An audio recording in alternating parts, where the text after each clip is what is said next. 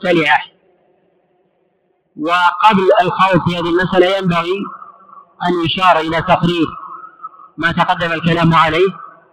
أن من قال بأن الخلع طلاق فإنه يلزمه من ذلك أن يقول أنه يجب في ذلك عدة الطلاق. وهذا يذهب إليه جمهورهم. ويذهب بعض الأئمة إلى أنه ليس إلى أنه ليس بطلاق ومع ذلك لا يجبون فيه عدة المطلقة وممن ذهب إلى هذا الإمام أحمد عليه رحمة الله فإنه لا يجعل هذا لازم لهذا. والذي عليه جمهور العلماء أن المعتدة أن المعتدة بخلع عدتها كعدة المطلقة سواء واستدلوا بأدلة قالوا أننا نقول أن الخلع طلاق. والله عز وجل قد أخبر أن المطلقة والمطلقات يتربصن بأنفسهن ثلاثة قلوب وهي داخلة في هذا الحكم. وذهب بعض الأئمة وهو قول عبد الله بن عمر وعثمان بن عفان وعم الربيع وأبان بن عثمان والإمام أحمد في رواية. إلى أن المرأة المختلية عدتها حيضة. ونصر هذا القول أيده ابن تيمية. وذهب جمهور العلماء كما تقدم الإشارة إليه إلى أن المختلية عدتها عدة مطلقة. والقول الثاني الصواب أن عدتها حيضة. وذلك أن ما جاء من الاستدلال بالعمومات لا يسلم. الاستدلال بقوله سبحانه وتعالى والمطلقات يتربصن بأنفسهن ثلاثة قرون أولا لا يسلم أن هذا طلاق وقد تقدم الإشارة إليه أنه فسخ. وهذا ثابت عن الصحابة عليهم رضوان الله تعالى ثبت هذا عن عبد الله بن عباس. ولا يثبت عن أحد ممن خالفه من الصحابة بذلك شيء. جاء عن علي بن أبي طالب وعثمان بن عفان. ولا يصح. ولهذا قال الإمام أحمد عليه رحمة الله تعالى أصح ما شيء في هذا الباب. ما جاء عن عبد الله بن عباس كما حكاه ابن المنذر عنه. وأما الاستدلال بالآية لو قيل بأن الخلع طلاق فإنه يقال أن هذا محمول على المرأة على المرأة التي طلقها زوجها ويملك إرجاعها. وثمة استثناءات من الشارع الحكيم تستثنى منه المختلعة وهذه الاستثناءات منها المرأة الحامل.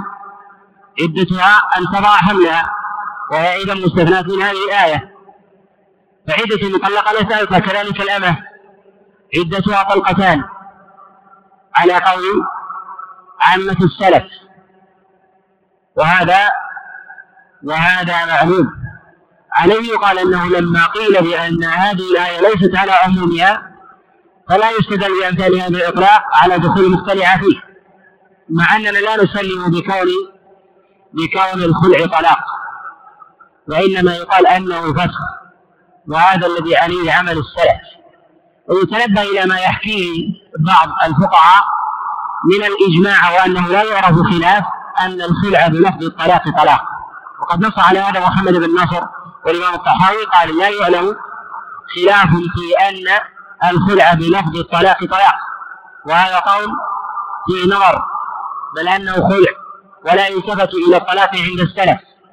وأما من يعلق الطلاق بالالفاظ فهذا مخالف لظاهر الدليل ومخالف للأصول أيضا. وتقدم الإشارة إلى أن من حكى الشذوذ عن عبد الله بن عباس مخالفة المرء على رسول الله صلى الله عليه وسلم بقوله طلقها دقيقة أنه خالف ما رواه والعبرة بما رواه لا بما رآه أن هذا القول مردود باعتبار أن الذي يرويه من كبار أصحابه طاووس ابن كيسان من كبار من كبار الفقهاء في اليمن وكذلك الفقهاء مكة فإنه كان يقضي مكة كثيرا وأعلم الناس ومن أعلم الناس بفقه وعقلية عبد الله بن عباس عليه رضوان الله تعالى. وعليه يقال أن الصواب في هذا أن المخترع عدتها عدتها حيضة والمراد بذلك الاستبراء وهذا التزام بما تقدم الإشارة إليه أن الخلع فسخ وأنه بينونة وليس لرجل أن يعيد امرأته ما دامت في العدة إلا بإذنها وليس له ذلك. ولكن يقال أن ثمة فرع من فروع هذه المسألة وهي أن الرجل إذا اختلع من زوجته وكانت في العدة. هل له أن يوقع الطلاق عليها وهي في عدة الخلع؟ إذا قلنا أنه ليس بطلاق وأن هذه العدة ليست بعدة خلع ليست بعدة طلاق وإنما هي عدة خلع الأصل عند الفقهاء ويأتي الكلام عليه أن الرجل إذا طلق امرأته في عدة طلاقها الرجعي أن هذا لا يقع وهو طلاق بدعي. والطلاق البدعي أن يطلق الرجل امرأته وهي حائض أو في دور جمعها فيه أو أن يطلق الرجل امرأته في عدتها أو يطلقها ثلاثا بلفظ واحدة على خلاف عند العلماء مع إقرار عامتهم بمخالفة ذلك للنصوص هل يقع ذلك أم لا؟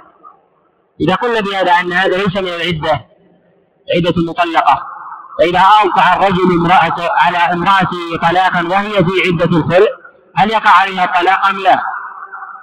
وهل يكون بدعيا أم لا؟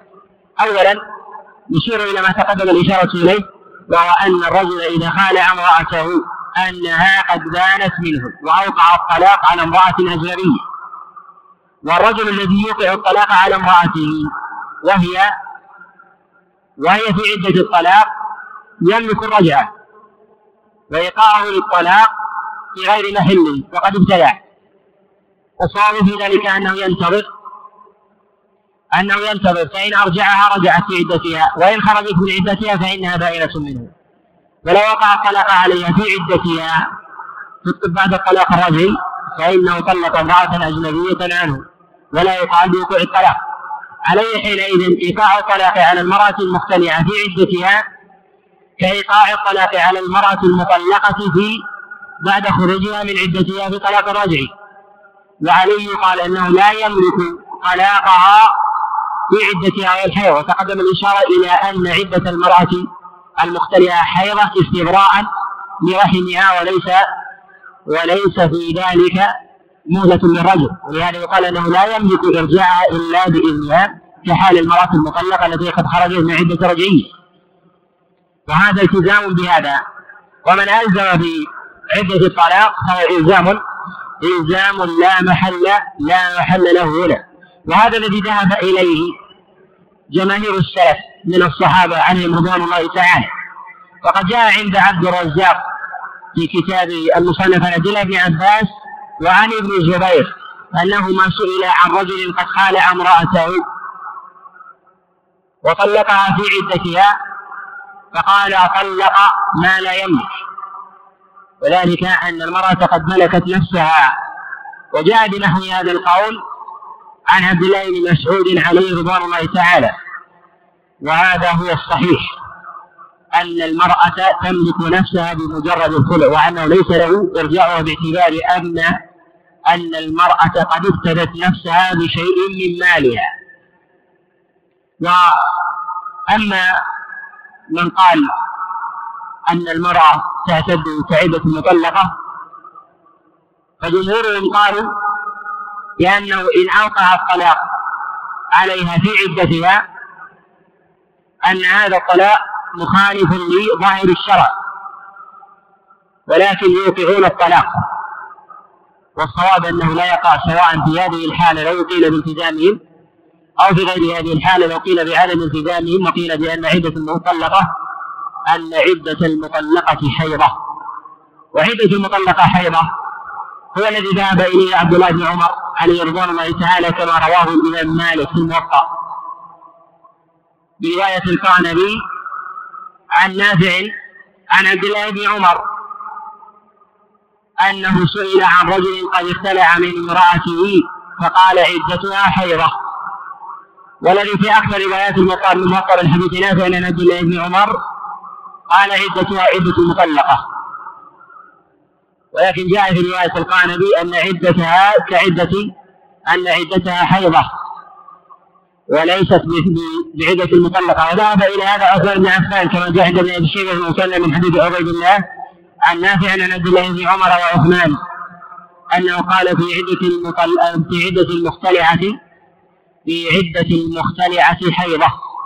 وهو عن عبد الله بن عمر وعثمان بن عفان إسناده صحيح. وهو رواية عن الإمام أحمد عليه رحمة الله. والذي عليه جمهور العلماء أنها ثلاث. ذهب إلى هذا الإمام أحمد في المشهوريان والشافعي والإمام مالك ووقع سفيان الثاني وإسحاق بن راهويه.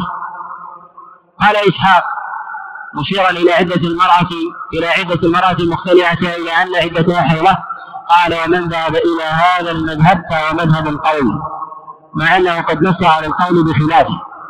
وهذا الذي ذهب إليه جماعة من المحققين كشيخ الإسلام ابن تيمية عليه رحمة الله تعالى وغيره.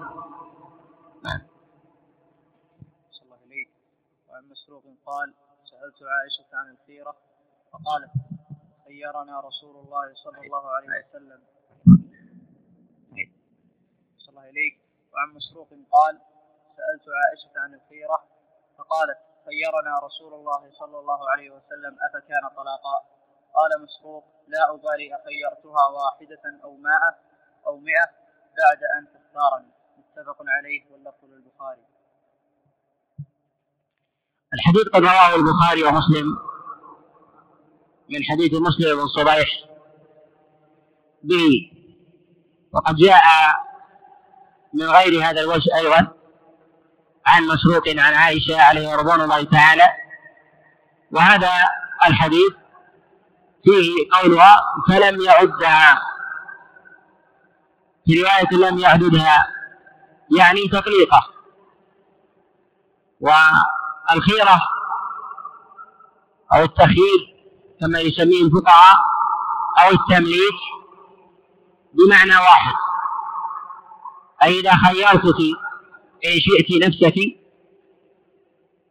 أو أن ترى بالبقاء أو التمليك بمعنى واحد. نص على ذلك جماعة من السلف كقتادة وأيوب وإبراهيم النخعي وعطاء وابن الزهري وغيرهم أن التأخير والتمليك بمعنى واحد.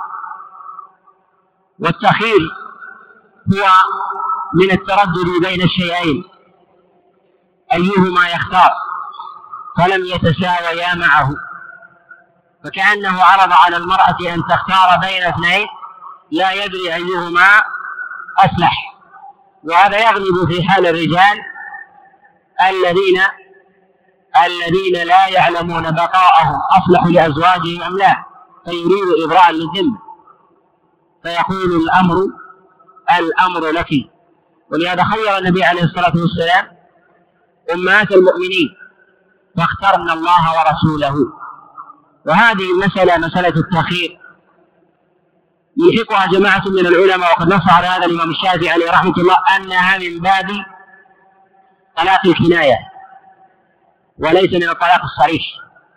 قالوا وذلك أن الرجل قد أوقع لفظا لامرأته فملكت توجيهه من الصريح من الكناية إلى الصريح. ومنهم من قال أنه ليس من من ألفاظ الطلاق باعتبار أنه شك أو تخير بين طلاق وعدمه وهذا هو الأظهر باعتبار أن لهذا لازم وهو أن المرأة إن اختارت زوجها فإنه قد يقال بمن قال بهذا القول أنه تقى طلقة. وإن اختارت زوجها وأما إذا اختارت نفسها فهل تكون بينونة أم تقع طلقة واحدة أم لا؟ هذا محل خلاف عند العلماء. وهذه المسألة وهذا الخبر فيه مسائل متعددة أولها مسألة التخيير. ذهب جمهور العلماء إلى أن التخيير جائز ومشروع ويكفي في ذلك فعل النبي عليه الصلاة والسلام له. ومن العلماء من قال أن ذلك ليس بجائز لأنه يلزم منه الطلاق الثلاث. إيقاعها مرة واحدة لأن المرأة إذا خيرت وقالت طلقت نفسي ثلاثا. أو قالت اخترت نفسي. قال جماعة من العلماء أنها بينونة كالحلم وهذا مكروه. نص على هذا أبو بكر القاضي. ونسب إلى مالك وفي ذلك نظر فجمهور العلماء على جواز ذلك. ويكفي ذلك ثبوت عن رسول الله صلى الله عليه وسلم. والرجل إذا خير امرأته في هذه في هذه المسألة مسألتان. الأولى إن اختارت المرأة زوجها. الثانية إن اختارت المرأة نفسها. إن اختارت المرأة زوجها. وقال لها زوجها خيرتك بيني وبين نفسي فإذا قالت اخترتك فذهب بعض السلف إلى أنها تقع طلقة ثبت ذلك عن علي بن أبي طالب وزيد بن ثابت. كما رواه ابن أبي شيبة والبيهقي من حديث عيسى بن عاصم عن زادان أن عمر بن الخطاب عليه رضوان الله تعالى سأل علي بن أبي طالب عن رجل يخيط امرأته. فقال علي بن أبي طالب عليه رضوان الله تعالى إن اختارت نفسها فهي بائنة وإن اختارته فهي طلقة. فقال عمر لا إن اختارت إن اختارته فليس بشيء. قال علي بن أبي طالب عليه رضوان الله تعالى فلم أرد أن أخالف أمير المؤمنين. فلما توفي وليت ما وليت من فروج النساء ووليت ما وليت من فروج النساء رجعت إلى ما كنت قلت فقيل لعلي بن أبي طالب عليه رضوان الله تعالى قولك في الجماعة خير لنا من قولك في الفرقة فضحك علي رضوان الله تعالى وقال قد أرسل إلى زيد بن ثابت فقال إن اختارت زوجها وقعت طلقة. أي أنه يريد أن يقول أن هذا ليس بقولي فقط وإنما هو قول زيد بن ثابت أيضا. وعليه يقال أن هذا قول لبعض السلف كعلي بن أبي طالب عليه رضوان الله تعالى وزيد بن ثابت؟ وذهب إلى هذا بعض السلف كالحسن البصري وغيره. وجاء عن عبد الله بن مسعود عليه رضوان الله تعالى وفيه نظر من جهة الصحة. وذهب جمهور العلماء وقال الأئمة الأربعة إلى أن المرأة إذا إن اختارت زوجها أن ذلك ليس بشيء. وهو ظاهر فتيا وعمل عمر بن الخطاب عليه رضوان الله تعالى. وهذا هو الصواب. وثمت رواية عن الإمام مالك بإيقاع الطلاق طلقة واحدة. وهذا هذه الرواية عن مالك. الإمام مالك قد نفاها القاضي عياض.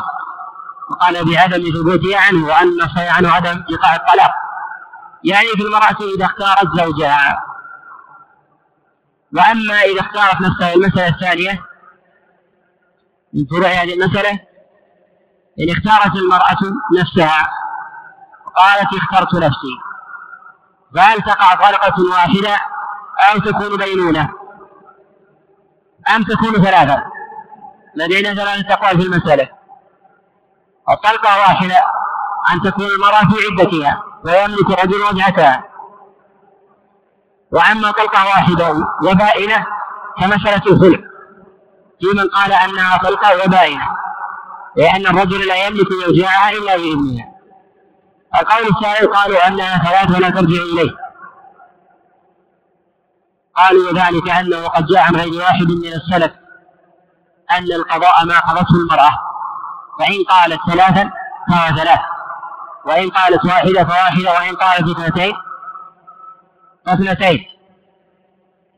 ولكن يقال أن المرأة إذا خيرها زوجها وقالت أختار نفسي فإن الأصل في ذلك أن يقع طلقة. وهذا هو التمليك أو التوكيل وفي هذا دليل على صحة توكيل الرجل لزوجته أن تطلق نفسها.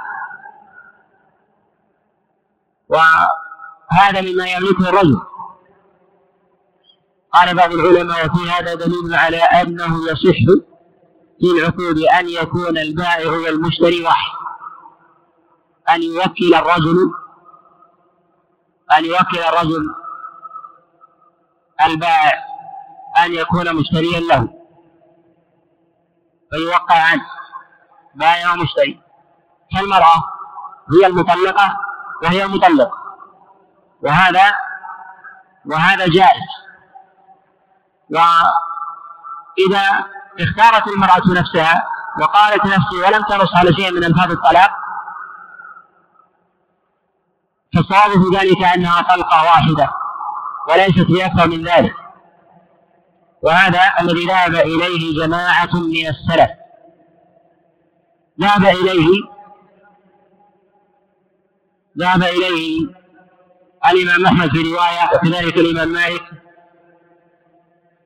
وذهب إليه عبد الله بن عباس وابن المنذر.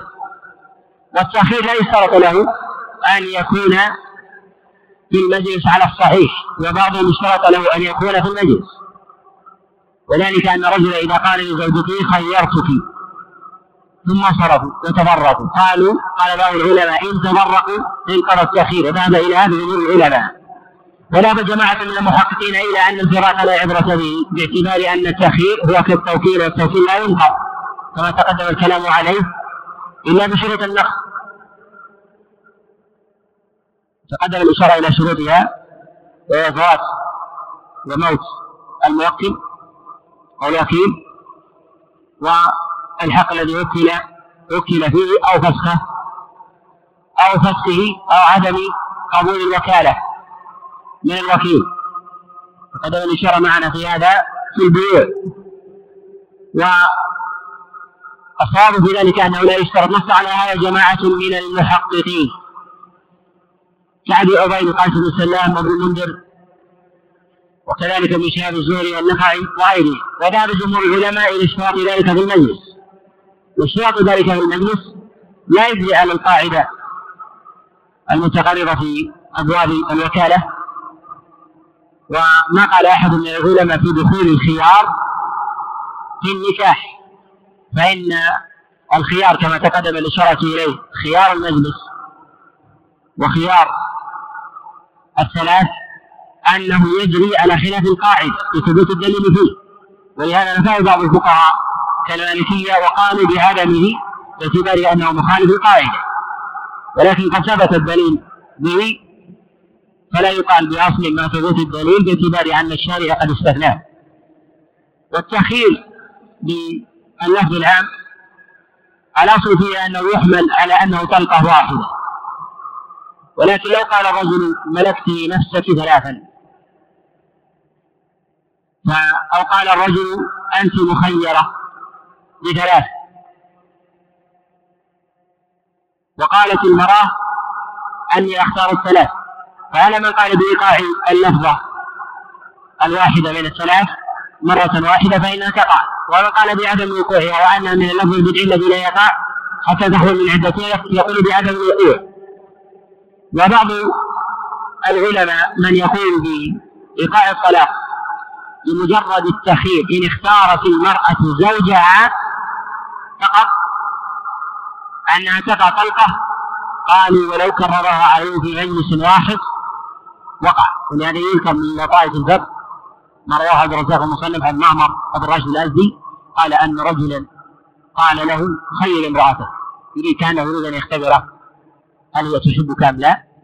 قال يا فلانة أنت مخيرة اتريدينني ام لا؟ قال تريده قال خيرها ثانية فخيرها فقال تريده قال خيرها ثالثة فخيرها فقال تريده فذهب إلى علي بن أبي طالب وقال له أن فلان قد طلق امرأته وقد بانت منه فذهب إلى عمر قال إن قربت إن قربتها رجمتك باعتبار أنها قد بانت منك قد بانت منك ثلاثة. هذا على قول من قال أن الرجل إذا خير امرأته فاختارت الزوج أن ذلك وقوع للطلاق وهذا ينبغي الإنسان يحتاج إلى قول بعض لبعض السلف.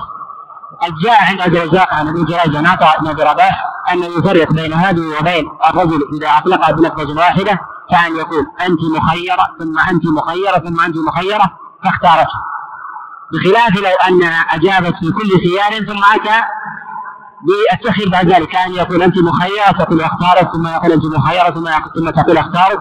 يفرق بين هذه بين هذه وتلك ومن العلماء قال أنها ثلاثة قد جاء هذا أي المراه اذا أختارت نفسها قال انها ثلاثة جاء عبد الله بن مسعود عليه رضوان الله تعالى كما جاء عند عند ابن أبي شيبة في المصنف من حديث مجاهد بن جابر عن عبد الله بن مسعود عليه رضوان الله تعالى أنه قال أنه قال ذاك ثلاثا الصواب في هذا وهو الذي عليه جمهور السلف أنها أنها طلقة واحدة وهذا الذي يعبده يعبده الأسود.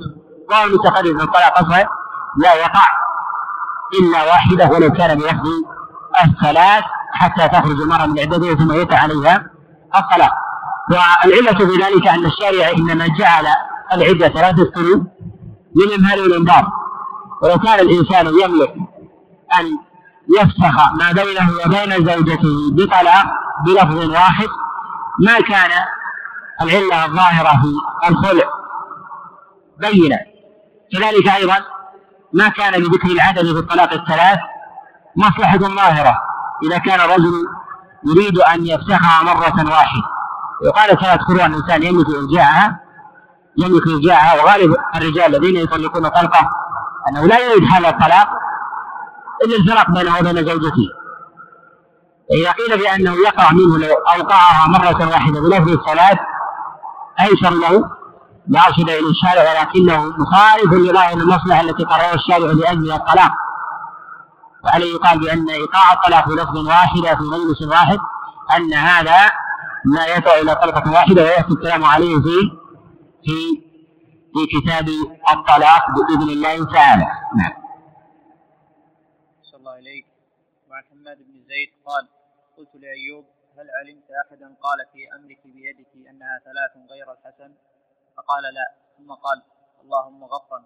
إلا ما حدثني قتادة عن كثير مولى مولى بن سمرة بن سمرة عن أبي سلمة عن أبي هريرة عن النبي صلى الله عليه وسلم قال ثلاث فلقيت كثير فسألته فلم يعرف.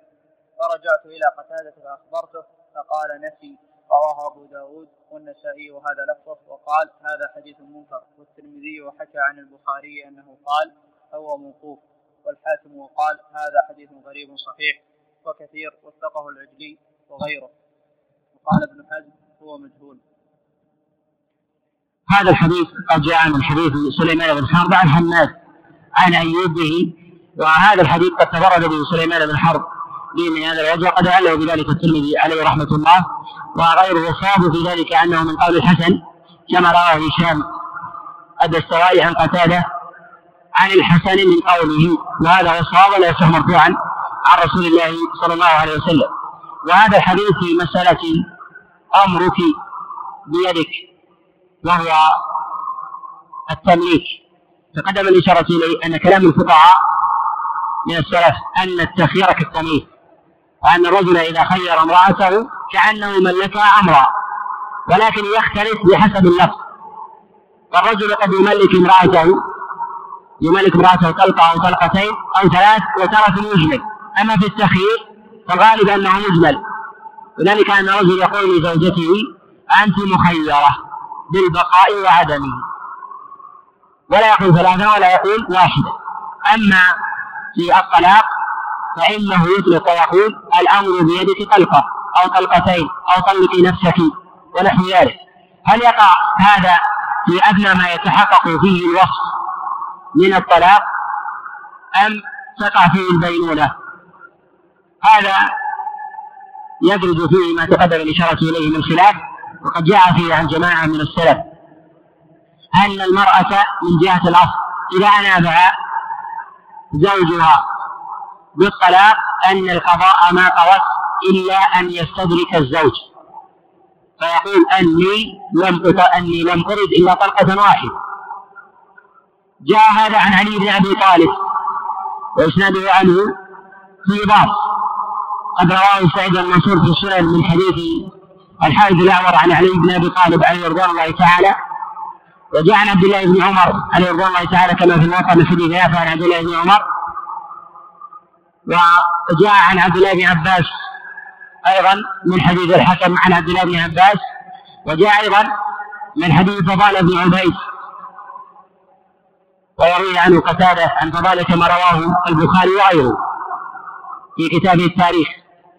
وهذا الحديث من جهة الثبوت لا يثبت رفعا رسول الله صلى الله عليه وسلم ولا يصح عن النبي عليه الصلاة والسلام في ذلك شيء مرفوع إلا في التخيير. أما في أمرك بيدك والتمليك صراحة فلا يصح في ذلك شيء عن رسول الله صلى الله عليه وسلم. أما من جهة العمل فهو توكيل وإنابة صحيحة. وإذا طلقت المرأة نفسها يقال أن طلاق المرأة لنفسها لا يخلو من حالين أو صورتين. الصورة الأولى أن تقول المرأة أنت طالق وتوجه الطلاق لزوجها. إذا قال زوجها لها أمرك بيدك. أو طلقيه شئتي فقالت أنت طالق فهذا هل يقع الطلاق أم لا؟ لا يقع. قد جاء عن ابن عباس رضي الله تعالى كما جاء عند في المصنف وغيره. عن عبد الله بن عباس أنه سئل عن رجل قال لامرأته أمرك بيدك؟ فقالت انت طالق فقال ابن عباس خطأ الله نوأها لو قالت أنا طالق أو أنت طالق فطلقت. اي انها وقعت الطلاق عليه والطلاق ما يقع على الرجل إنما يقع على المرأة. صورة ثانية إذا قالت المرأة التي ملكت أمرها أنا طالق أو أنت طالق. فإنها فإنها حينئذ تقع. هل تقع طلقة؟ أم تكون بينونة؟ قال إنها تقع طلقة. وهل تملك نفسها بإيقاع طلقة أخرى بعد انقضاء العدة؟ أم لا؟ على من قال بوجوب انتقال قال أنها تملك ذلك. ما لم يبين زوجها أنه أراد إنابتها أو توكيل أمرها بطلقة واحدة حينئذ يقال أنها توقع الطلقة الواحدة فقط ويملك إرجاعها. وتمليك المرأة من أمرها قد كرهه بعض السلف. قد جاء ذلك عن جابر بن عبد الله كما في المصادم من حديث أبي الزبير عن جابر بن عبد الله أنه كرهه وقال يقع. وثمة من الصور الحديثة النوازل ما يقع في بعض البلدان العربية من اشتراط المرأة أن يكون الطلاق بيدها. تشترط في العقد أن هي التي تطلق هل هو شرط صحيح أم لا؟ إذا اشترطت المرأة الطلاق. أولا يقال من جهة الأمر بيدها صحيح لكن من جهة الشرط هل هو شرط صحيح أم فاسد؟ شرط فاسد. وذلك أن تمليك المرأة لنفسها كما في النصوص عن السلف هو أمر طارئ لا مناقض لأصل القوامة. وذلك أن الرجل إذا إذا ملك المرأة أمرها فهو يملكها من غير شرط بعد أن كانت القوامة باقية. أما إذا كان ذلك في العقد فهو نزع لأصل القوامة وهو شرط فاسد. ولكن لو اشترط لها في العقد الطلاق يقال أن هذا أن هذا الشرط شرط فاسد. ويحتمل أن يقال أن هذا الشرط لا يجوز لكنه قد يقع. إذا إذا طلقت المرأة نفسها باعتبار ثبوت من جهة الأصل وكالنيابة. و لكن يقال أن الله عز وجل قد جعل الرجل بيده عصمة النكاح. فلما جعل الله عز وجل بيده عصمة النكاح ليس له أن يهب على الإطلاق للزوجة ولكن يهب للزوجة شيئا. إذا كان السلف عليهم رحمة الله تعالى قد شرفوا المسألة من جهة الأصل أن يملك الرجل المرأة نفسها آه، في في لحظة أو في وقت يسير ونحو ذلك كراهة ذلك على الإطلاق أو اشتراطه من باب من باب أولى.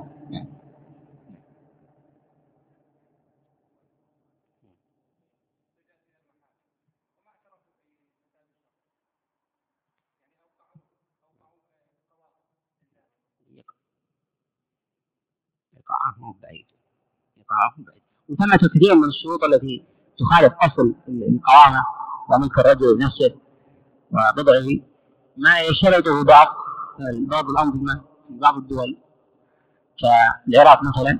في النظام فيه أن الرجل إذا تزوج ليس له أن يتزوج أخرى إلا بإذن الأولى.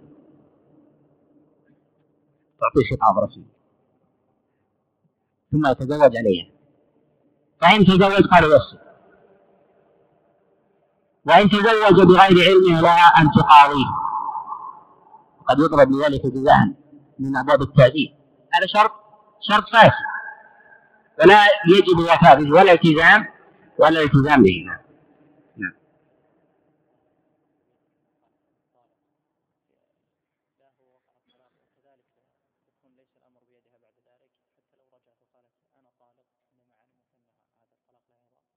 يقع.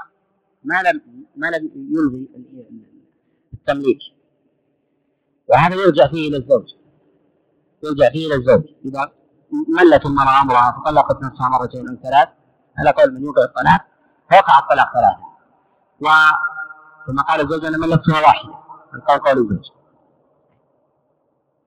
نعم.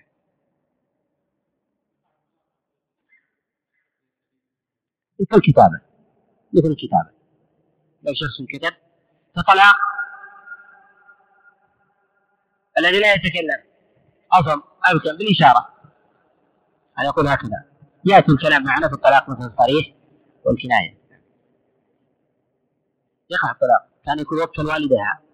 قال هذه وكالة لك بأن تطلق المرأة في أي مكان. والخلع والتمليك والتخيير لا يشترط فيه حاكم ولا إذنه على الصحيح. وهذا الذي ذهب إليه جماعة من السلف وهو قول سعيد المسيب وابن سيرين وغيرهم. وذهب بعض العلماء إلى أنه لا بد له من الحاكم وقول الحسن البصري. وعن زرارة بن ربيعة عن أبيه عن عثمان في أمرك بيدك القضاء ما قضى. رواه البخاري في التاريخ. هذا الحديث في إسناده زرارة. و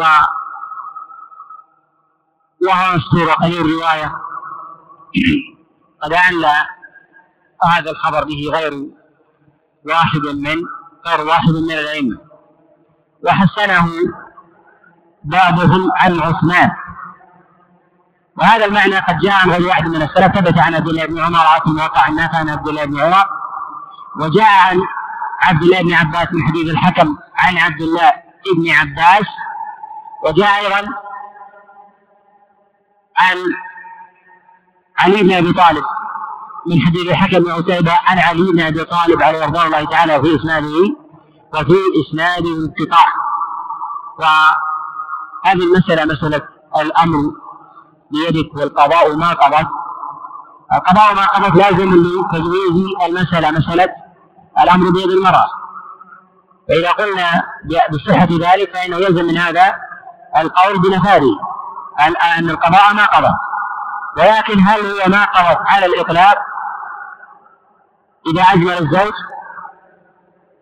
بمعنى أن اللفظة في قول الرجل لزوجته أمرك بيدك. أن ليس له أن يرجع. فيقول الثانية والثالثة. هناك من العلماء من قيد ذلك بالزوج وقال عبد الله بن عمر وهناك من لم يقيده. وهذا قال أكثر السلف أنه لا يقيد. والصواب أنه يرجع في ذلك وأكثر السلف من روي عنه هذا في أسانيد الواس عنهم عليهم رضوان الله تعالى. وقضوا ما قضت أي ما ما أرادته الزوجة.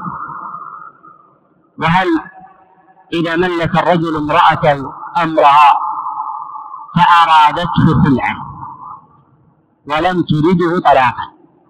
فقالت خالعت نفسي بمئة دينار أو مئة ريال. هل يقع ذلك أم لا؟ يقع ذلك.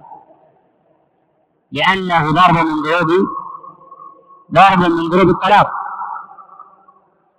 ولهذا يتجوز بعض السلف وأكثر السلف بإطلاق الطلاق على الخلع ولهذا يقول كثيرا من القضاة في مسألة الخلع أن الرجل إذا إذا أعطته امرأته مالا فيقول طلقها. أي دعها تملك سراحها فتملك المرأة بذلك سراحة ولا يكون ولا يكون طلاقا.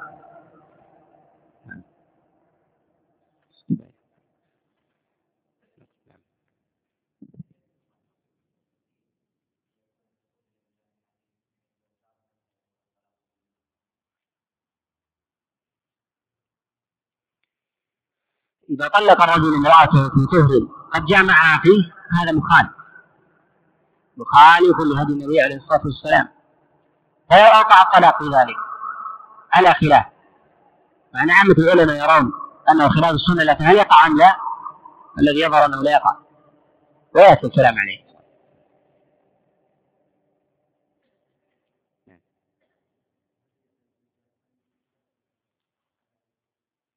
لا بد من يجب وجوبا الهدية بين الزوجات يجب فيه العدل. إلا إذا كان هدية للمرأة ولأولادها. كان يهدي للمرأة لامرأته دارا. فيها أربع حجرات. لأبنائها. أو لأبنائها. ولواحدة فيها حجرتين. ليس عندها إلا ولد.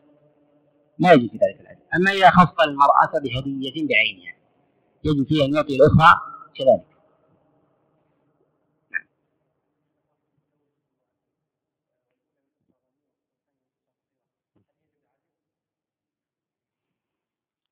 الهدية خارج مسألة النفقة.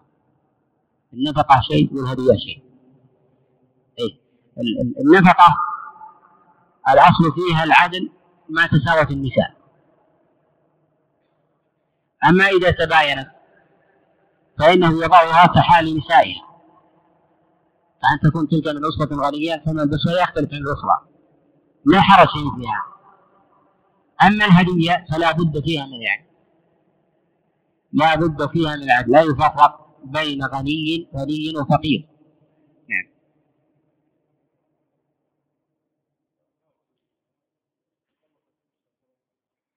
بعد انقضاء العدة.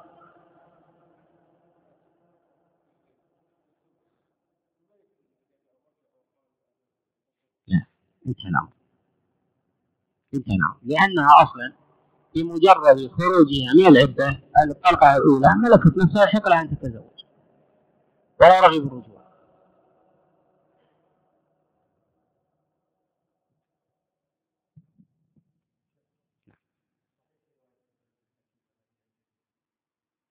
الأصل فيها استقامة وله ما يستنكر الأصل فيها السلامة. وهي من الأحاديث المتوسطة. وله غرائب وله غرائب. يسيرة تستنكر عليه يعرف النقاط في في الألفاظ. منها ما جاء في الترمذي النبي عليه الصلاة والسلام قال ويل لمن كذب ليضحك القوم ويل هذا من مناكير بهز ابن حكيم عن أبيه عن جده. هنا في مسألة في قضية إخواننا إخوان المسلمين في فلسطين. وما ينبغي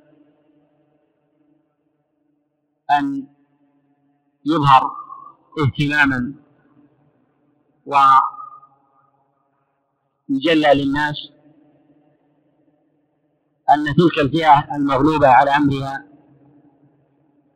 الذين قد استبيحت الحرمات في الدماء. وانتهكت الأموال وأتلفت الزروع والحروف والممتلكات. أنا نرى ونسمع كثير من وأكثر العالم جني. ومع ذلك لا حراك إلا على استحياء سواء بالاستنكار باستنكار القولي والإمداد ببعض المعونات من ألبسة وغير ذلك التي لا تصل إلا بعد الأذى والشدائد. هذا مع ما نسمع بين وقت وآخر من تخذيل للمسلمين في في غزة وتخويل لهم والتشكيك في إرادتهم سواء من بعض الأعيان أو بعض الوسائل الإعلامية التي تريد النيل منهم قدر الإمكان. ولا يخفى ما يناله المسلمون في غزة. ممن هم منهم ومن جلدته وعلى ملته. من أهل البغي والعدوان في السلطة الفلسطينية. الذين يرون إخوانهم أمامهم يقتلونهم أقرب الناس. ومع ذلك ربما شمتوا فيه وفرحوا بما حل به. وهذا لا شك أنه أنه إن دل على شيء فيدل على الخطر الذي يقع في قلوب هؤلاء من قيام دولة إسلامية يطمح لها المسلمون في فلسطين. وهذا الخطر ليس على على السلطة الفلسطينية المزعومة فقط بل أنه أيضا خطر على كثير من الدول التي تنتسب للإسلام وهي عربية ومسلمة. والسبب في ذلك أن هذه الفئة القليلة المضطهدة المغلوب على أمرها قد رفعت الإسلام شعارا ونادت به مع تقصير فيها لا ينبغي إثارته الآن. وهي خير الطوائف التي تدافع عن العدل والحق في بلاد الشام على وجه العموم وهي أسلمها وأقربها إلى الصواب ويجب في أمثال هذه المواقف أن يوقف مع هذه الفئة وقوفا تاما وأن نقدها ولو بشيء يسير أن ذلك يعد من الخذلان. الذي يعتم فيه الإنسان. فكيف بإظهار العداء أو الفرح بما حل فيه؟ الداعي لذلك أنه بلغني عن بعض المنتسبين للصلاح من يتمنى هزيمة المسلمين في غزة. أو يمنع القنوت للمسلمين في غزة. وقد ثبت عندي بالأمس أن أحد أئمة المساجد في المدينة المنورة قد فصل بسبب في غزة وهذا لو قيل الإنسان لا يكاد يصدق حتى يقف عليه. وهذه المصيبة تدل على بعدنا عن عن أمر الله عز وجل وعن أصل التوحيد الذي ندندن حوله وفيه ونتكلم به وننطق ليلا ونهارا على عقود مديدة والاستنكار ما الاستنكار على المسلمين في في فتح هل على المسلمين في حماس؟ الاستنكار عليهم في جزئيات أو في أمور مكسره ما وقع المسلمون في حماس أو في غزة على وجه الأمور في شيء إلا وقد وقع فيه سائر ولاة المسلمين في العالم كله بأضعاف مضاعفة فأين النكير؟ هل الأمر لله أم للأهواء؟ ثم لو قيل بذلك أضعف الإيمان أن ذلك الشعب شعب مسلم مضطهد مغلوب على أمره. ألا يحتاج إلى نصرة ونحن نرى صباحا ومساء الأشلاء تمزق. والنساء والأطفال يقتلون وهي من المحرمات شرعا وعقلا. أليست هذه مكابرة للعقل فضلا عن البعد عن شريعة الله عز وجل وهديه. ثم الإشارة إلى إلى أمر مهم وهو التبرع لإخواننا المسلمين في غزة. هذا من أقل الواجبات بعد الدعاء لهم بالنصرة. وما يحل بالمسلمين في غزة فوق الوصف ولا يكاد يتصور. وقد اتصل بي أحد الأخوان في غزة البارحة ويقول المسألة ليست مسألة رجال ونساء أن الأطفال أصيبوا بالهلع ولا يستطيع أن يناموا من أزيز الطائرات ولا يمكن لصبي حتى البلوغ أن ينام إلا وهو على صدر. أمه ولا توجد بناية إلا قد ضرب فيها أو ضرب بجواره. بل حتى أطفالنا تمر الليالي والأيام لا يستطيعون أن يناموا لساعة واحدة متصلة من الفزع والخوف.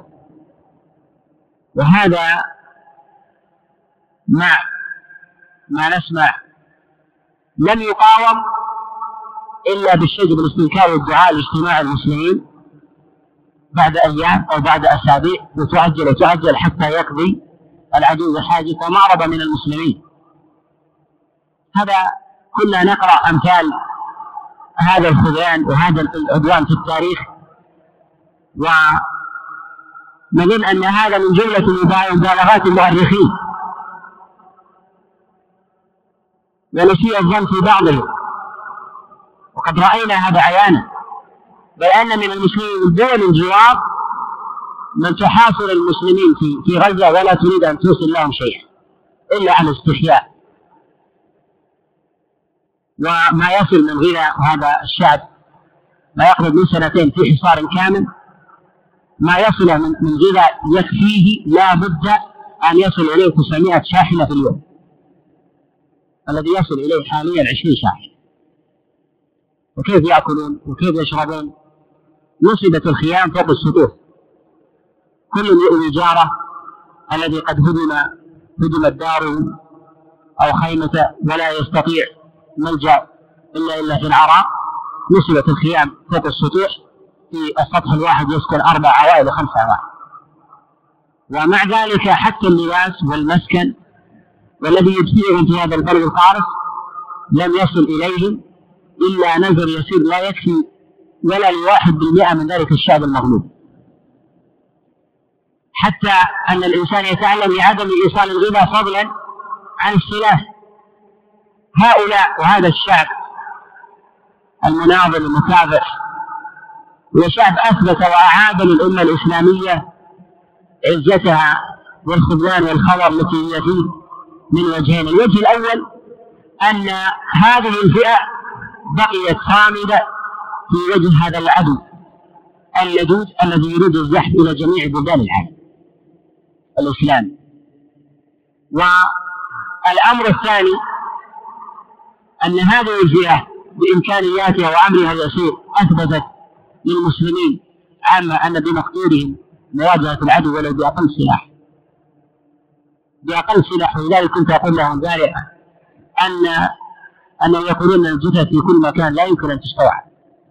حتى أن الناس إذا إذا ضرب عندهم أحد لا يستطيع أن يذهب إلى المستشفيات لأن لا لا يوجد مستشفى يطلق ذلك يموت بين أيديهم أو يقومون بأمور بدائية. والعالم كله يرى هذا الأمر. أقول أن قتلاكم في الجنة وقتلاهم في النار اصبروا واحتسبوا. قال إن الامر إن الأمر فوق ذلك.